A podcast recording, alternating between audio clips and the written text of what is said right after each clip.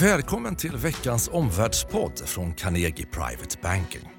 Omvärldsstrategerna Helena Haraldsson och Henrik von Sydow belyser tre händelser inom makro och politik som påverkar de finansiella marknaderna. Det är onsdag den 21 januari. Vi spelar in klockan 13.30. En vecka där rapportsäsongen har startat starkt på Stockholmsbörsen med bland annat Sandvik och Essity. Samtidigt som virusvarningar eller epidemivarningar skapat en viss oro på asiatiska marknader. Vi ska lägga pandemianalysen åt sidan och sortera istället läget med tre analyser på 10 minuter. Först ut stabiliseringen av det globala makroläget. Därefter det globala handelsläget efter fas 1-avtalet USA och Kina. Och till sist Sverige, det politiska läget 2020 och utsikter för finanspolitiska stimulanser på hemmaplan. Allt detta på 10 minuter. Mycket välkommen till Omvärldspodden. Helena, rakt på sak om du skulle sammanfatta makroscenarierna 20 dagar in på det nya året. Ser vi tecken på att världsekonomin stabiliserar sig? Ja, det gör vi. Även om vi i början på månaden fick den här rekordsvaga amerikanska industribarometern svagaste sedan 09. Samtidigt då som Kina faktiskt lättade på penningpolitiken. Men ser vi på mer ny, nya signaler så är det först ut då Kina, bättre data i december. Detaljhandeln har lite svagt trend men industrin ser ut att bottna, stabilisera sig. För det andra då USA, väldigt starka siffror från konsumtion med bättre detaljhandel än väntat, bra jobb, men också rekordstarkt bostadsbyggande, en sektor som blivit allt hetare, den är ju räntekänslig. Mm. Och det tredje jag skulle lyfta fram det har faktiskt med inflation att göra. För återigen i Storbritannien så föll inflationen trots ganska höga löneökningar. Det är uppenbarligen generellt svårt att få igenom prishöjningar. Tillväxten är sisådär i de flesta länder. Så nu hoppas marknaden på en räntesänkning från Bank of England. Faktiskt med 60% sannolikhet redan i januari. Annars då senare under våren. För de hade ju en något duvaktig ton sist. Mm. Så stabilisering av aktiviteten. Men global tillväxt är ändå svagare än normalt men vi har ju de här fortsatt duvaktiga centralbankerna. Mm, svagare än normalt, fortsatt duvaktiga centralbanker. Mm. IMF sänkte ju i måndags i veckan sin prognos för den globala tillväxten. Nu spår man en global tillväxt på lite över 3% 2% i USA och 1 i, i Europa. Vad, vad tar du fasta på i IMF-rapporten? Eh, ja, jag tycker man kan börja med att säga då att Internationella valutafonden det är de som ger räddningspaket till länder i kris ofta. Det är en väldigt tung institution. Eh, men man ska väl tänka på två saker. Det var en ganska marginell nedrevidering. Och tyvärr då ur de finansiella marknadsperspektiv så är de ingen ledande indikator utan börsanalytiker ser skiften mycket snabbare. Men de sa lite om centralbanker och tillväxtmarknader. Eh, jag tar också fasta på att risken är på nedsidan och det är väl därför de hyllar centralbankernas snabba agerande här nu. De hävdar att de här stimulanserna räddade världen från recession och att de här stimulanserna behövs ett bra tag till. Det är ju glatt för börserna och riskaptiten. Ingen recession med fortsatta stimulanser. När det kommer till tillväxtmarknader så är de försiktiga när de talar om dem. De säger att Brasilien, Mexiko, Ryssland, Turkiet och Indien har, det är ganska utmanande för de här ekonomierna att få ordentlig fart 2020. Mm. Om du skulle ta, till, peka på någonting som IMF eh, varnar för, uppmärksammar? Ja, de hissar lite flagg fortfarande, de här nedsidorna. Det är klart det är handelskonflikten. Mm. Eh, det jag tycker är positivt det är ju att Eh, Frankrike efter samtal med Trump ändå backar om den här skatten på digitala tjänster, kanske ett konfliktområde mindre. Sen lyfter faktiskt också IMF fram social oro och effekter på tillväxt. Och därför marknaden har vi en lite negativ faktor nyligen och det är väl att den här nya Kina-tillsatte guvernören i Hongkong då verkar ha ett skarpare tonläge än sin företrädare och det här ökar risken då tycker marknaden för våldsammare konfrontationer. Mm. Om vi blickar framåt, vilka är makrosignalerna som privatinvesterare ska hålla ögonen på? Ja, jag gillar ju, vi är väldigt spända inför nästa ISM-barometer i USA. Eh, den har inte slutat falla, den kommer 3 februari. Men redan den här, i slutet på veckan, på fredag, mm. färska industribarometrar för flera regioner, de kallas ju snabb-PMI. De är klara lite innan månaden är slut men ger ofta en väldigt korrekt bild. Faller de här, då tror jag att det blir en negativ chock för marknaden. Är de bättre, ja då kan ju börsen få ännu mer fart. Det kanske mest sannolika dock, det är väl en stabilisering. Det är okej okay, för då kan fortfarande stimulanser skina igenom och ge stöd. Och då får man följa rapportfloden. Just det, en viktig fredag ur makrosynpunkt alltså mm. då. Eh, om du skulle summera, vad är den korta slutsatsen om makroläget tre veckor in på det nya året? Eh, jag skulle vilja säga stabilisering, ingen tydlig vändning upp än. Eh, ISM kommer 3 februari men det är faktiskt också vår nya strategirapport så det blir lite spännande. Annars är det centralbanker som är i stimulansmod och styr och kanske då en räntesänkning från Storbritannien under våren.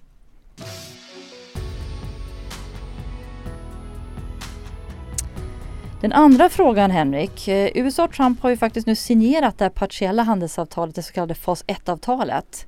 Vad betyder det här avtalet för investeringsmiljön? det minskar den globala handelsosäkerheten och gör det då från en hög nivå ska sägas. Tullspiralen uppåt eh, stannar av nu med det här då. Eh, samtidigt som den stora bulken med redan införda tullar kvarstår mellan världens eh, två största ekonomier. Tullättnaden är faktiskt marginell får man säga. Eh, den stora nyheten är ju då, substantiella nyheten är att Kina ska öka importen av USA-varor, bland annat jordbruksprodukter då med, med 200 miljarder dollar under två år eh, har man sagt i det här. Det måste nog beskrivas ändå som mm, mer symboliskt än substantiellt det här. Det är svårt att läsa det här på ett annat sätt än att det är drivet av kortsiktiga nationella politiska intressen snarare än omsorg då om Eh, den globala ekonomins långsiktigt eh, bästa. Men med Wall Street, marknaderna gillar det här avtalet.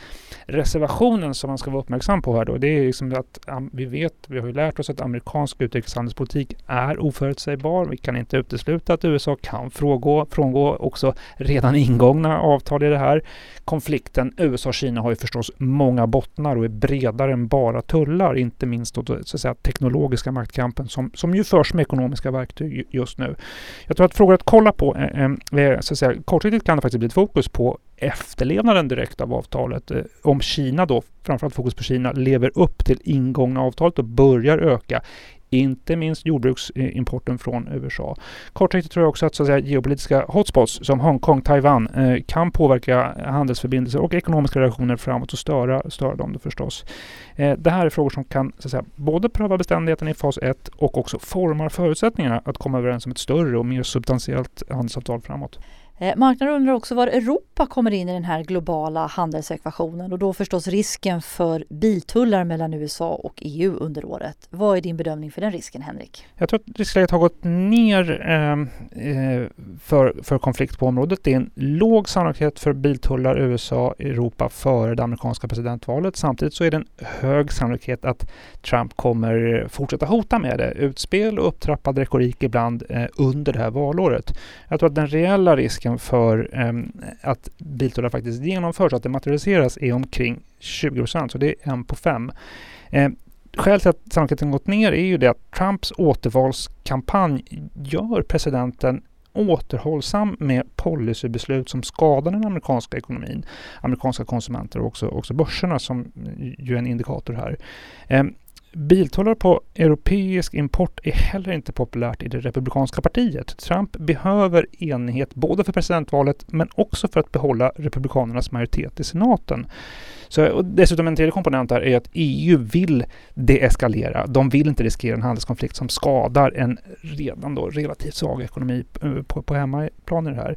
Invändningen då, reservationen också här är att vi vet att Trump så att säga, inte drar sig för att både hota eh, och, och, ibland också genomföra tullar. USA har ju använt det här som ett påtryckningsmedel mot Tyskland i, i, i Iranaffären exempelvis. Avgörande faktor är status på Trumps återvalskampanj kommer att avgöra hur han använder hotet och, och, och sannolikheten för om det materialiseras. När han är pressad, när Trump är pressad och han vill boosta sin bas så återkommer han faktiskt just också mm. till, till tullar. Basscenario, lågintensiv konflikt mellan USA och Europa om skatter på digitala tjänster och subventioner av Boeing Airbus. Men inget handelskrig i USA och Europa och inga biltullar under året. Mm. Och den korta slutsatsen kring riskerna för investerare? Ja, det är väl just detta. Risken för amerikanska biltullar mot Europa minskar. Det är en sannolikhet på 20 procent. När sannolikheten för bil, biltullar minskar så är det positivt för risksentimentet kopplat till Europa. Mm. Ska röra oss från världen till hemmaplan. Det svenska politiska läget, Henrik. Det är en viss turbulens. Vi har sett hur den norska regeringen har fått ombildas. Sitter den svenska regeringen säkert?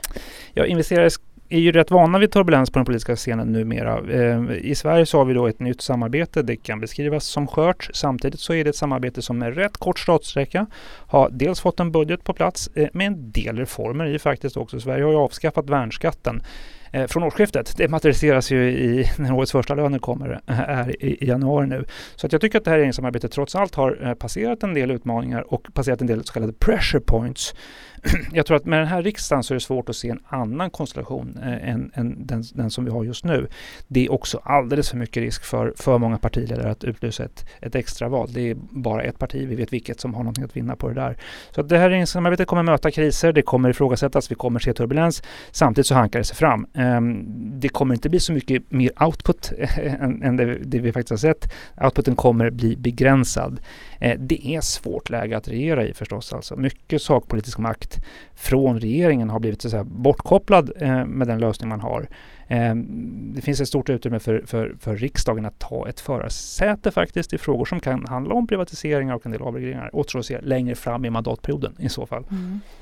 Och I veckan så har det handlat om ökade offentliga utgifter framförallt till kommunsektorn. Då. Nu handlar det om 5 miljarder. Finns det utsikter för att det blir mer? Eh, ja, det, det, det, finns ett case för eh, finanspolitiska stimulanser i Sverige. Det, det, är kanske till och med starkare i Sverige än någon annanstans i Europa utifrån perspektivet att avmattningen Eh, ehm, och är, eh, är större här och arbetslösheten i Sverige ökar nu faktiskt mer än i andra länder. Eh, Riksbanken har också höjt räntan här verkar inte vilja stimulera mer med minusränta.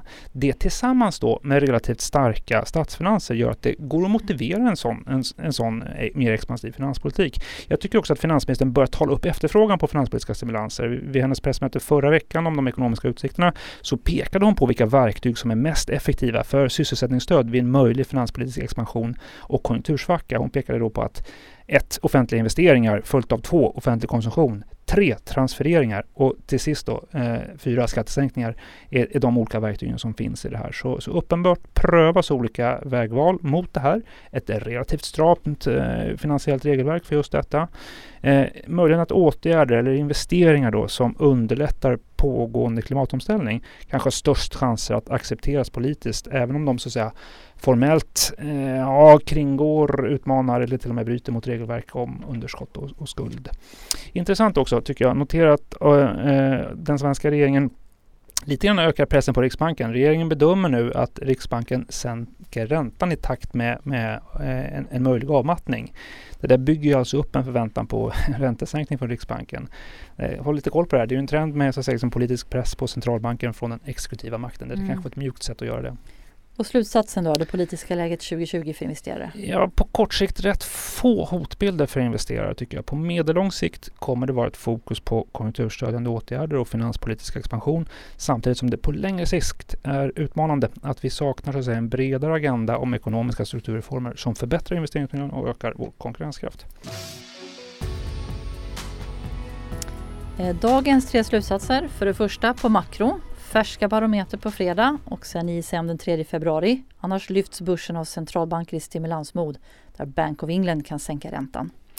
2. Handel. Risken för amerikanska biltullar mot Europa har minskat men hotet kommer finnas kvar och Iran är en bricka av många i spelet. 3. Svensk politik. Få hotbilder. Mer stimulanser kan komma men tyvärr brist på strukturreformer. Vill du veta mer vilka aktier och investeringar vi gillar? Ta kontakt med din rådgivare på Carnegie Private Banking eller skriv upp dig som prenumerant på vårt nyhetsbrev där vi delar aktiecase varje vecka. Tack för att du har lyssnat idag. Tack för att du har lyssnat på Omvärldspodden från Carnegie Private Banking. Vill du veta mer om vad som händer i vår omvärld och få aktuella idéer till affärer? Gå då in på www.carnegie.se veckans viktigaste och prenumerera på vårt nyhetsbrev.